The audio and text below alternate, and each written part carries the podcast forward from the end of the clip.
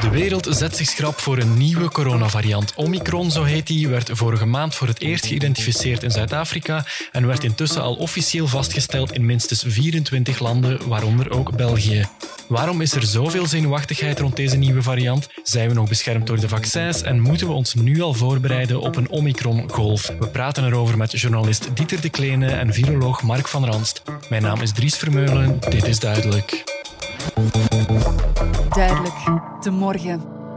Die Omicron-variant die is momenteel goed voor minder dan uh, een halve procent van het uh, totale aantal bevestigde besmettingen. Dat is dus een, een, heel klein aandeel.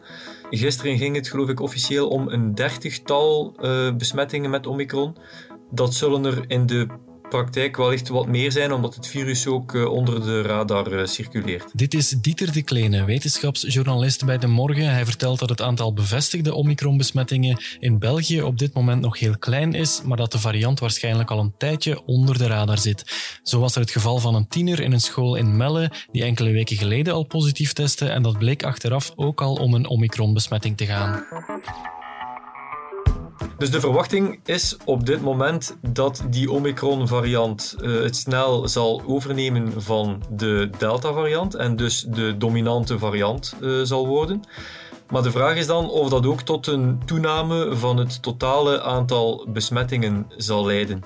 En dat zal onder meer afhangen van uh, de vraag hoe goed die maatregelen die we recent hebben genomen om het aantal besmettingen te doen dalen, hoe goed die ook zullen helpen om die Omicron-variant uh, onder de knoe te houden. Hè? Omdat er toch wel aanwijzingen zijn dat die mogelijk wat uh, besmettelijker is dan, dan de Delta-variant. En het zal ook afhangen van uh, de bescherming die onze vaccins ons bieden tegen de besmettingen met, met Omicron. Dieter sprak de voorbije dagen met verschillende experts en merkte door al die vraagtekens best wat zenuwachtigheid over Omicron. Enerzijds op basis van, van, van die talrijke mutaties die hij heeft. Um, de eerste proeven in het lab lijken ook uh, wel degelijk te bevestigen dat onze antilichamen minder grip krijgen op die variant.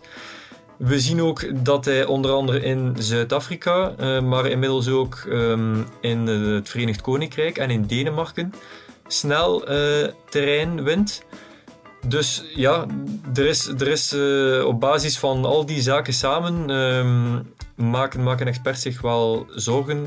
Zeker wanneer zou blijken dat uh, die variant ook uh, mensen nog wel degelijk ziek kan maken. Hè. Veel ongerustheid dus over een virusvariant waarover we eigenlijk nog maar weinig met zekerheid kunnen zeggen. Hoe komt dat nu? Waarom horen we van de meeste varianten helemaal niets en waarom werd er over deze dan zo snel aan de alarmbel getrokken?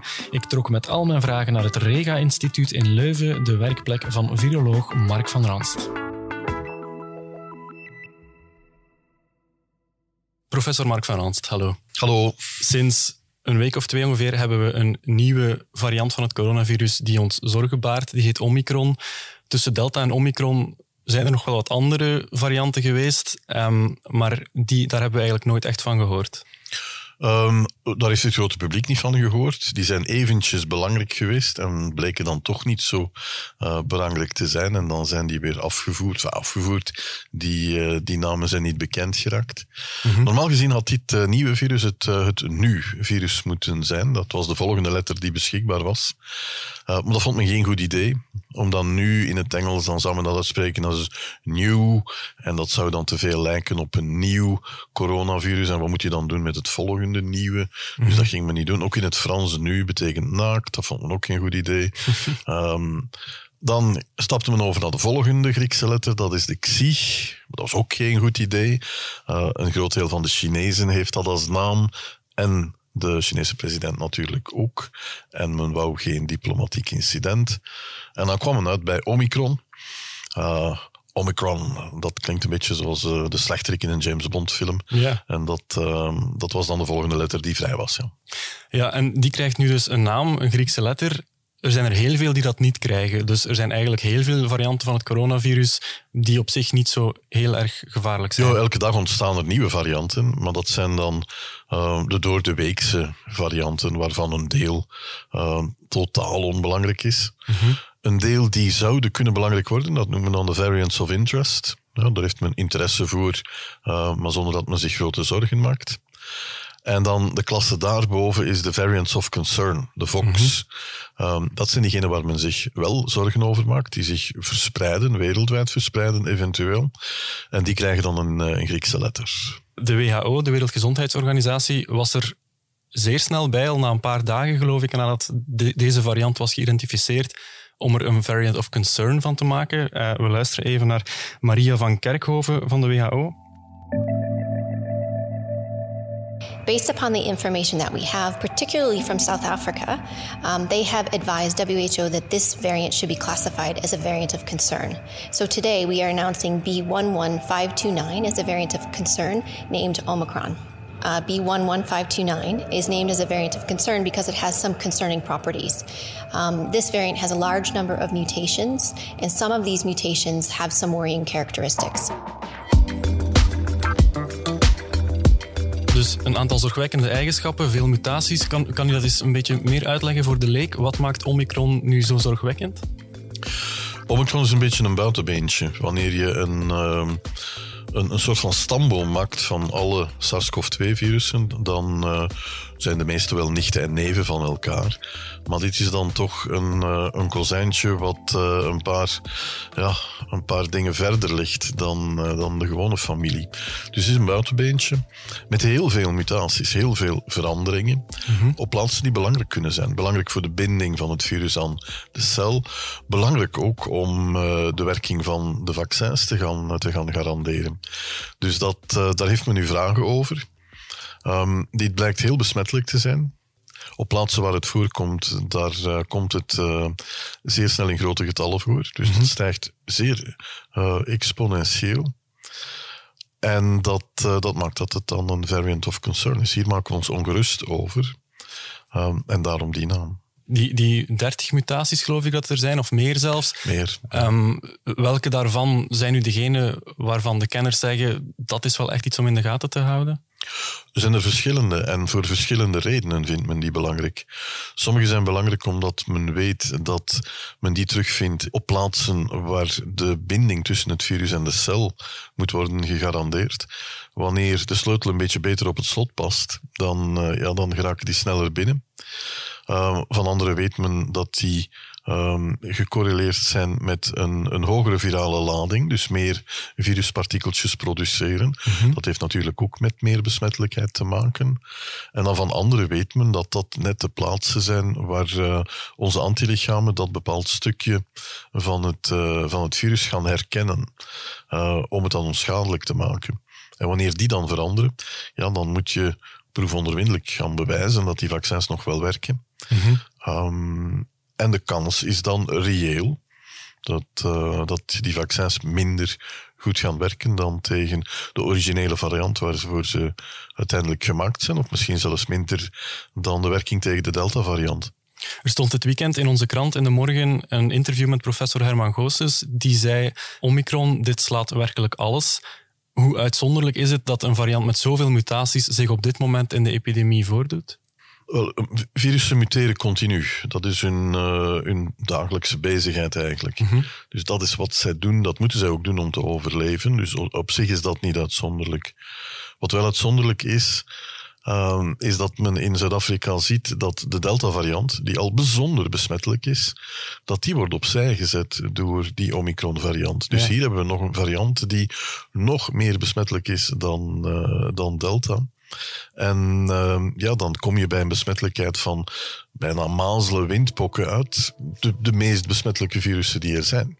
Ja, dan schrik je daar toch wel even van. Om, want om dat onder controle te krijgen, dat is niet zo eenvoudig. Gelukkig merkt men ook wel tegelijkertijd op dat uh, er heel weinig mensen in het ziekenhuis komen ermee. Maar bon, is dat te geloven? Mm-hmm. Uh, die eerste getallen die van een epidemietje uh, verspreid worden, die zijn meestal niet volledig correct. Dat weten we. De bevolkingsstructuur van Zuid-Afrika is ook totaal anders dan bij ons. Wanneer je de leeftijdspyramide bekijkt, dan zijn er in Zuid-Afrika veel meer jonge mensen die uh, heel weinig last hebben van, van ook van de gewone SARS-CoV-2-virussen. Mm-hmm. Um, bij ons in Europa met een verouderende bevolking zou dat wel eens anders kunnen zijn. Dus je wil dat altijd een slag om de arm houden. Kan meevallen. Maar ehm, je kan je maar beter voorbereiden op een, uh, een scenario wat erger is.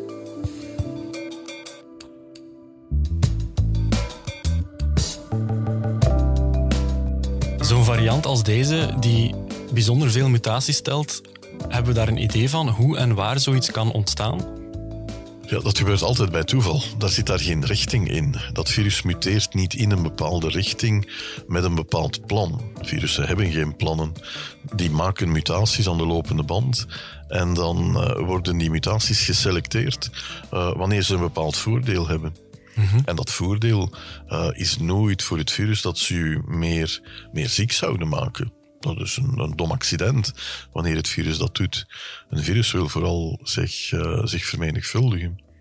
Ja, ik, ik heb wel eens horen zeggen, het is een beetje onze eigen schuld als het rijke Westen dat we die vaccins zoveel voor onszelf hebben gehouden, zodat er in landen die er minder hebben, dit soort dingen kunnen ontstaan. Klopt daar iets van? Um, dat klopt natuurlijk wel. Wat je graag zou willen is dat we ongeveer tegelijkertijd overal ter wereld die vaccins kunnen gebruiken. Dat is natuurlijk ook niet zo simpel. Op dit moment is de, de helft van de aardbevolking uh, zijn die gevaccineerd met minstens één, uh, één dosis. Mm -hmm. Dat is op zich al een enorme prestatie. Op dit moment dan wordt er gevaccineerd aan een snelheid van ongeveer 30 miljoen nieuwe vaccins per dag die in armen worden gezet. Uh, dat gaat nog altijd zeer, uh, zeer snel. Men kan onmogelijk voor gans de wereldbevolking op een hele korte tijd twee, drie vaccins gaan maken. Uh, maar we zien wel dat sommige landen dat die ja, zeven, acht vaccins hebben besteld om, om, om heel vlug zoveel mogelijk vaccins te hebben. En sommige landen hebben duidelijk overschot aan vaccins. Dat zou niet mogen. Vaccins zouden niet ongebruikt op, uh, op het schap mogen liggen. Die, mm -hmm. die moeten gebruikt worden. En dan kan je ze beter, maar uh, gelijkwaardig ter wereld gaan gebruiken in plaats van ze ergens te, te zitten opstapelen. Ja. Er wordt nu natuurlijk vanuit heel de wereld richting het zuiden van Afrika gekeken, omdat daar die Omicron-variant het eerst is vastgesteld. Maar die had eigenlijk evengoed ook hier kunnen ontstaan. Die had gelijkwaar kunnen ontstaan. Ik ben ook niet mm -hmm. zeker dat die, dat die in Zuid-Afrika nu ontstaan is. Zuid-Afrika heeft zeer goede laboratoria die die virussen in de mum van tijd kunnen detecteren trouwens. Tulio de Oliveira, de, de viroloog van Zuid-Afrika, die komt hier van het Rega-instituut. Ah, ja. uh, die heeft hier jaren gewerkt. Uh, dus daar hebben we goede, contacten mee. Zij zijn gewoon zeer goed in, in Afrika, in ieder geval, in het detecteren van die, uh, die dingen. Uh, dit kan perfect ergens anders ontstaan zijn uh, ook. Al snel nadat de Omicron-variant in Zuid-Afrika was vastgesteld, kwamen er ook voorzichtig hoopvolle berichten. Er raakten veel mensen besmet, maar ze werden niet zo heel ziek. Een variant die zich als een lopend vuurtje doorheen de bevolking verspreidt, maar ons niet ziek maakt, dat zou bijzonder goed nieuws zijn. Want dan bouwen we groepsimmuniteit op zonder dat mensen in het ziekenhuis belanden. Maar, zo werd er meteen bij gezegd, die hoop was heel voorbarig. Het is nog heel vroeg om grote conclusies te trekken uit de cijfers en bovendien, in Zuid-Afrika ging het vooral om jonge mensen. Steven van Gucht van Cienzano die zei daarover dit bij HLN. Ik vermoed wel als je naar die mutaties kijkt en als je ook kijkt naar wat er gebeurt in Zuid-Afrika, dat die wel in staat is om mensen bijvoorbeeld een tweede keer te besmetten. Je mag niet vergeten dat in Zuid-Afrika, daar hebben ze in het verleden ook al een aantal zware golven gehad. De laatste was een delta-golf, maar die is helemaal gaan liggen. Delta is daar voor een groot stuk verdwenen ondertussen. En toch zie je die Omicron-variant weer doorstoten. Uh, je ziet dat vooral bij jonge mensen. Ik vermoed dat veel van die mensen waarschijnlijk al eens zijn besmet geweest in het verleden. Uh, dus wat uh, mogelijk zij nu meemaken, is een tweede besmetting met die Omicron. Het gaat dus om jonge mensen die misschien ook al eens eerder besmet waren met een andere coronavariant en dus al wat immuniteit hadden opgebouwd. De vraag is, wat gebeurt er als iemand voor de eerste keer besmet wordt? De kans is groot dat zich dat gelijkaardig gedraagt als met andere varianten, maar we weten het niet precies. Ja. Dus het zijn allemaal zaken die we moeten afwachten, die we moeten leren. Intussen zijn de ziekenhuisopnames in Zuid-Afrika ook in stijgende lijn aan het gaan. Mag die hoop dat, dit, dat deze variant minder ziekmakend is al in de vuilnisbak? Nee, nog niet. Uh, daar moeten we een beetje geduld voor hebben, vooraleer we dat echt kunnen bevestigen of ontkrachten. Mhm. We weten dat we die informatie gaan hebben. Waarschijnlijk gaan we die zelfs uh, uit eerste hand hebben wanneer er hier meer gevallen gaan, uh, gaan optreden of in andere Europese landen. Dus ik maak me daar geen zorgen over dat dit onbekend zou blijven. Nee, binnen een paar weken hebben we daar een antwoord op. Sinds vorige week, denk ik, hebben we in België ook al een aantal vastgestelde besmettingen met Omicron. Hoe lang zal het duren voor Omicron Delta overneemt en hier de dominante variant wordt? Dat is op dit moment moeilijk te berekenen, omdat we nog in de, de hele prille beginfase zitten. Mhm. uh, dus er zijn nog niet heel veel gevallen. We weten wel dat het snel gaat, we zien dat ook nu. Um, in de laboratoria, dat er meer en meer gevonden worden. Maar net hoe snel, dat is moeilijk om te, om te berekenen op dit moment. Maar wanneer we afgaan met, of op wat er in Zuid-Afrika gebeurt, dan um, zou dit in plaats van drie, vier maanden wel eens in, in weken kunnen uitgerekend worden. U zei daarnet zelf al, we zullen nog moeten afwachten hoe goed de vaccins ons hier tegen beschermen. Is de kans bestaande dat we tegen volgend jaar een, een, een nieuw soort vaccin zullen moeten hebben, een, een ander soort booster? Wel, de firma's zijn daar nu al mee bezig. In ieder geval de firma's die de messenger-RNA-vaccins maken, die zijn daar nu mee bezig, omdat dat ook voor hen relatief eenvoudig is en ook relatief snel kan gaan. Zij beloven 100 dagen. Dus ja, bon, we zijn ondertussen dag 10, dag 11. Uh, dus de mhm. klok tikt. Uh, de bedoeling is om deze epidemie zoveel mogelijk te vertragen, ook al is dat moeilijk, om die vaccins, die nieuwe vaccins, om die dan uh, zoveel mogelijk kans te geven. Ja, veel Vlamingen moeten hun booster nog krijgen. Het is niet zo dat die eigenlijk al achterhaald is door de feiten. Nee, op dit moment kan je dat niet zeggen. Op dit moment dan is 99% van de virussen die nu circuleren, die zijn gewoon delta. Mm Plus, wanneer je een vaccin neemt, dan krijg je altijd wel uh, wat basisbescherming tegen andere varianten ook. Trouwens, dat zien we uh, naar hospitalisatie, intensive care opname en sterfte zien we dat zeer goed. Wij worden gevaccineerd nu nog altijd met die Wuhan-variant, mm maar dat blijkt toch nog altijd voor de dingen waar het om te doen is, nog altijd zeer goede bescherming te geven.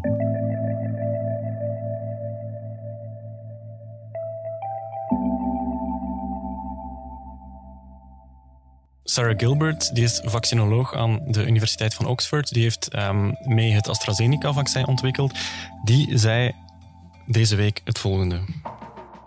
The long-term effects of the pandemic will result in financial costs for years to come.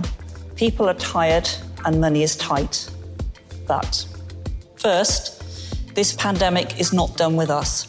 This will not be the last time a virus threatens our lives and our livelihoods. And I'd like to finish on a high note, but the truth is the next one could be worse. It could be more contagious or more lethal or both. This pandemic is not done with us. Dat gevoel krijgen we natuurlijk als zo'n Omicron-variant plots weer opduikt. Is het iets dat we de komende jaren meer en meer zullen zien of zullen blijven zien? Die nieuwe varianten die het ons telkens opnieuw moeilijk maken? Ik heb een heel aantal maanden gezegd, de moeilijkste fase van de pandemie die komt nog. Mm Mensen waren toen zeer boos.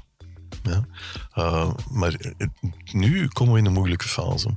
Waarbij je een aantal maatregelen zou moeten nemen bij een bevolking die die maatregelen op voorhand al beu is. Mm Waarvan je weet dat een pandemie een heel dik boek is met heel veel hoofdstukken. En we niet aan het laatste hoofdstuk zitten. En dat uitleggen aan een bevolking is best wel moeilijk. Want iedereen wil hier zo snel mogelijk van af. Dat begrijp ik zeer goed.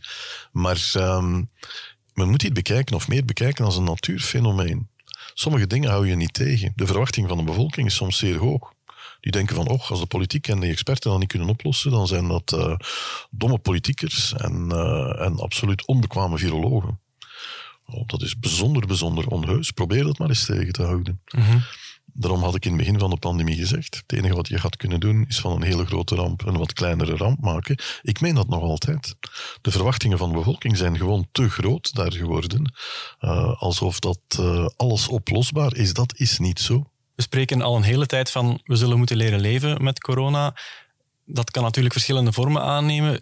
Is het mogelijk dat we nog een heel aantal jaren, zeker um, als de wintermaanden eraan komen, ons opnieuw moeten wapenen met, met een vaccin of met maatregelen zelfs? Net zoals we doen met griep, dat zijn we zeer gewoon. Mm En dan is dat ook geen extraordinaire toestand. En daar moeten we naartoe. Dat we van deze toestand, die een, een noodtoestand is, dat we daar iets van maken wat, uh, wat uiteindelijk iets is wat we kennen. We aanvaarden elk jaar dat 10, 15, 20 procent van onze mensen ziek worden we aanvaarden dat er een paar honderd tot een paar duizend mensen in België elk jaar sterven aan, uh, aan griep. We hebben heus ook wel al jaren gehad met griep dat de ziekenhuizen dat die overvol lagen. Ook dat is niet zo ongewoon. Mhm. Dus wanneer we er iets van kunnen maken door vaccins, door maatregelen, maatregelen die redelijk zijn, Mhm. en die we kunnen volhouden, dan, uh, dan gaan we hier nog een tijdje mee leven. Tot dit uiteindelijk een verkoudheidsvirus wordt. Mhm. En we weten niet wanneer dat gebeurt. Het kan nu met Omicron aan het gebeuren zijn. Dat is een mogelijkheid. Maar uiteindelijk weten we dat we, zo is het gegaan met de andere vier coronavirussen die ons zijn vooraf gegaan, uiteindelijk worden dit, uh, worden dit verkoudheidsvirussen. We weten alleen niet wanneer. Maar dat zal sowieso gebeuren. Het is niet zo dat dit, zoals de griep, iets zal blijven dat elk jaar opnieuw terugkomt en elk jaar ook dodelijke slachtoffers maakt. Wel, pas op, hè. Die andere coronavirussen maken ook een paar dodelijke slachtoffers elk jaar. Dat zal met SARS-CoV-2 ook niet anders zijn, ook wanneer we vaccins hebben en ook wanneer een groot deel van de bevolking het al een keer gehad heeft. Dus we gaan golven zien die uh, tenminste naar sterfte toe altijd maar kleiner en kleiner horen te worden. Mm -hmm. Ook wanneer we die antivirale middelen gaan hebben, volgend jaar, dan uh, is dit weer een, een ander stukje van ons arsenaal. Wat we gaan kunnen aanspreken wanneer er weer een, uh, een epidemie opduikt, wanneer je die pillen neemt vrij in het begin van de, de ziekte, dan verkleint dat de kans heel significant om in het ziekenhuis terecht te komen en dus te sterven. Ook dat is een deel van een oplossing. En zo met verschillende oplossingen, uh, dan moet je proberen van dat te lijf te gaan. Volledig oplossen kan je dat, uh, en zeker in het begin niet. Ons land is zich nu nog volop aan het verweren tegen de Delta-variant. We kunnen verwachten dat Omicron in de, de komende maanden uh, alleen maar zal groeien hier. Moeten we ons daar nu al op de een of andere manier op voorbereiden? Ik denk dat dit een van de redenen is waarom dat de GEMS een, een wat harder advies had voorgesteld voor het laatste overlegcomité. Mm -hmm. Om zo snel mogelijk Uh, want uiteindelijk, elke epidemie gaat omhoog en weer naar omlaag. Maar zo snel mogelijk de delta-epidemie naar beneden te kunnen krijgen. Zodanig dat we niet ergens op een, een hoog plateau blijven hangen. Mm -hmm. En dat daar nog eens Omicron bovenop komt. Uh, dat wil je liever niet. Dus je probeert dan zo snel mogelijk maatregelen te nemen. En die binnen de perken van wat aanvaardbaar is voor de mensen. Um, en daar zit een mondmasker bij. Mensen maken Mhm. er een enorm veel heisa over, terwijl dat, dat een, uh, een ingreep is waar men in andere landen, in vele andere landen, niet over maalt. Um, ja, waar je dus alles moet proberen, verschillende maatregelen, om, om ja, iets aan die toestand te verhelpen. Dus u zegt, de, de maatregelen die we nu hebben genomen, hoewel die al wat minder zijn dan wat de GEMS had aanbevolen, die hadden we best nog wel een hele tijd vol. Uh, we hadden ze beter vroeger genomen. Mm -hmm. Ja, imperfecte maatregelen vroeger nemen is beter dan uh, perfecte maatregelen en wachten op alle mogelijke evidentie om dan gewoon te laat maatregelen te nemen. Dus in een crisis dan kan je nooit. Mensen vragen dat altijd, hè, van toon een keer alle mogelijke wetenschappelijke studies om te bewijzen dat. Ja, in een, in een crisissituatie, dat gaat niet. Je hebt daar de tijd niet voor om twee, drie, vier jaar dat uh, perfect te gaan bestuderen en met een zeer, zeer doorvrocht wetenschappelijk manuscript dan ergens hypothese A of B te gaan, uh, te gaan bewijzen. Je moet voor een deel dat doen met de hints en gedeeltelijke informatie die je hebt. Goed wetende dat je, wanneer alles dan gekend is, ook 100% van de kritiek gaat over u krijgen. Mm -hmm. Oké, okay. professor Van Ranst, dank u wel voor uw tijd. Dank u vriendelijk.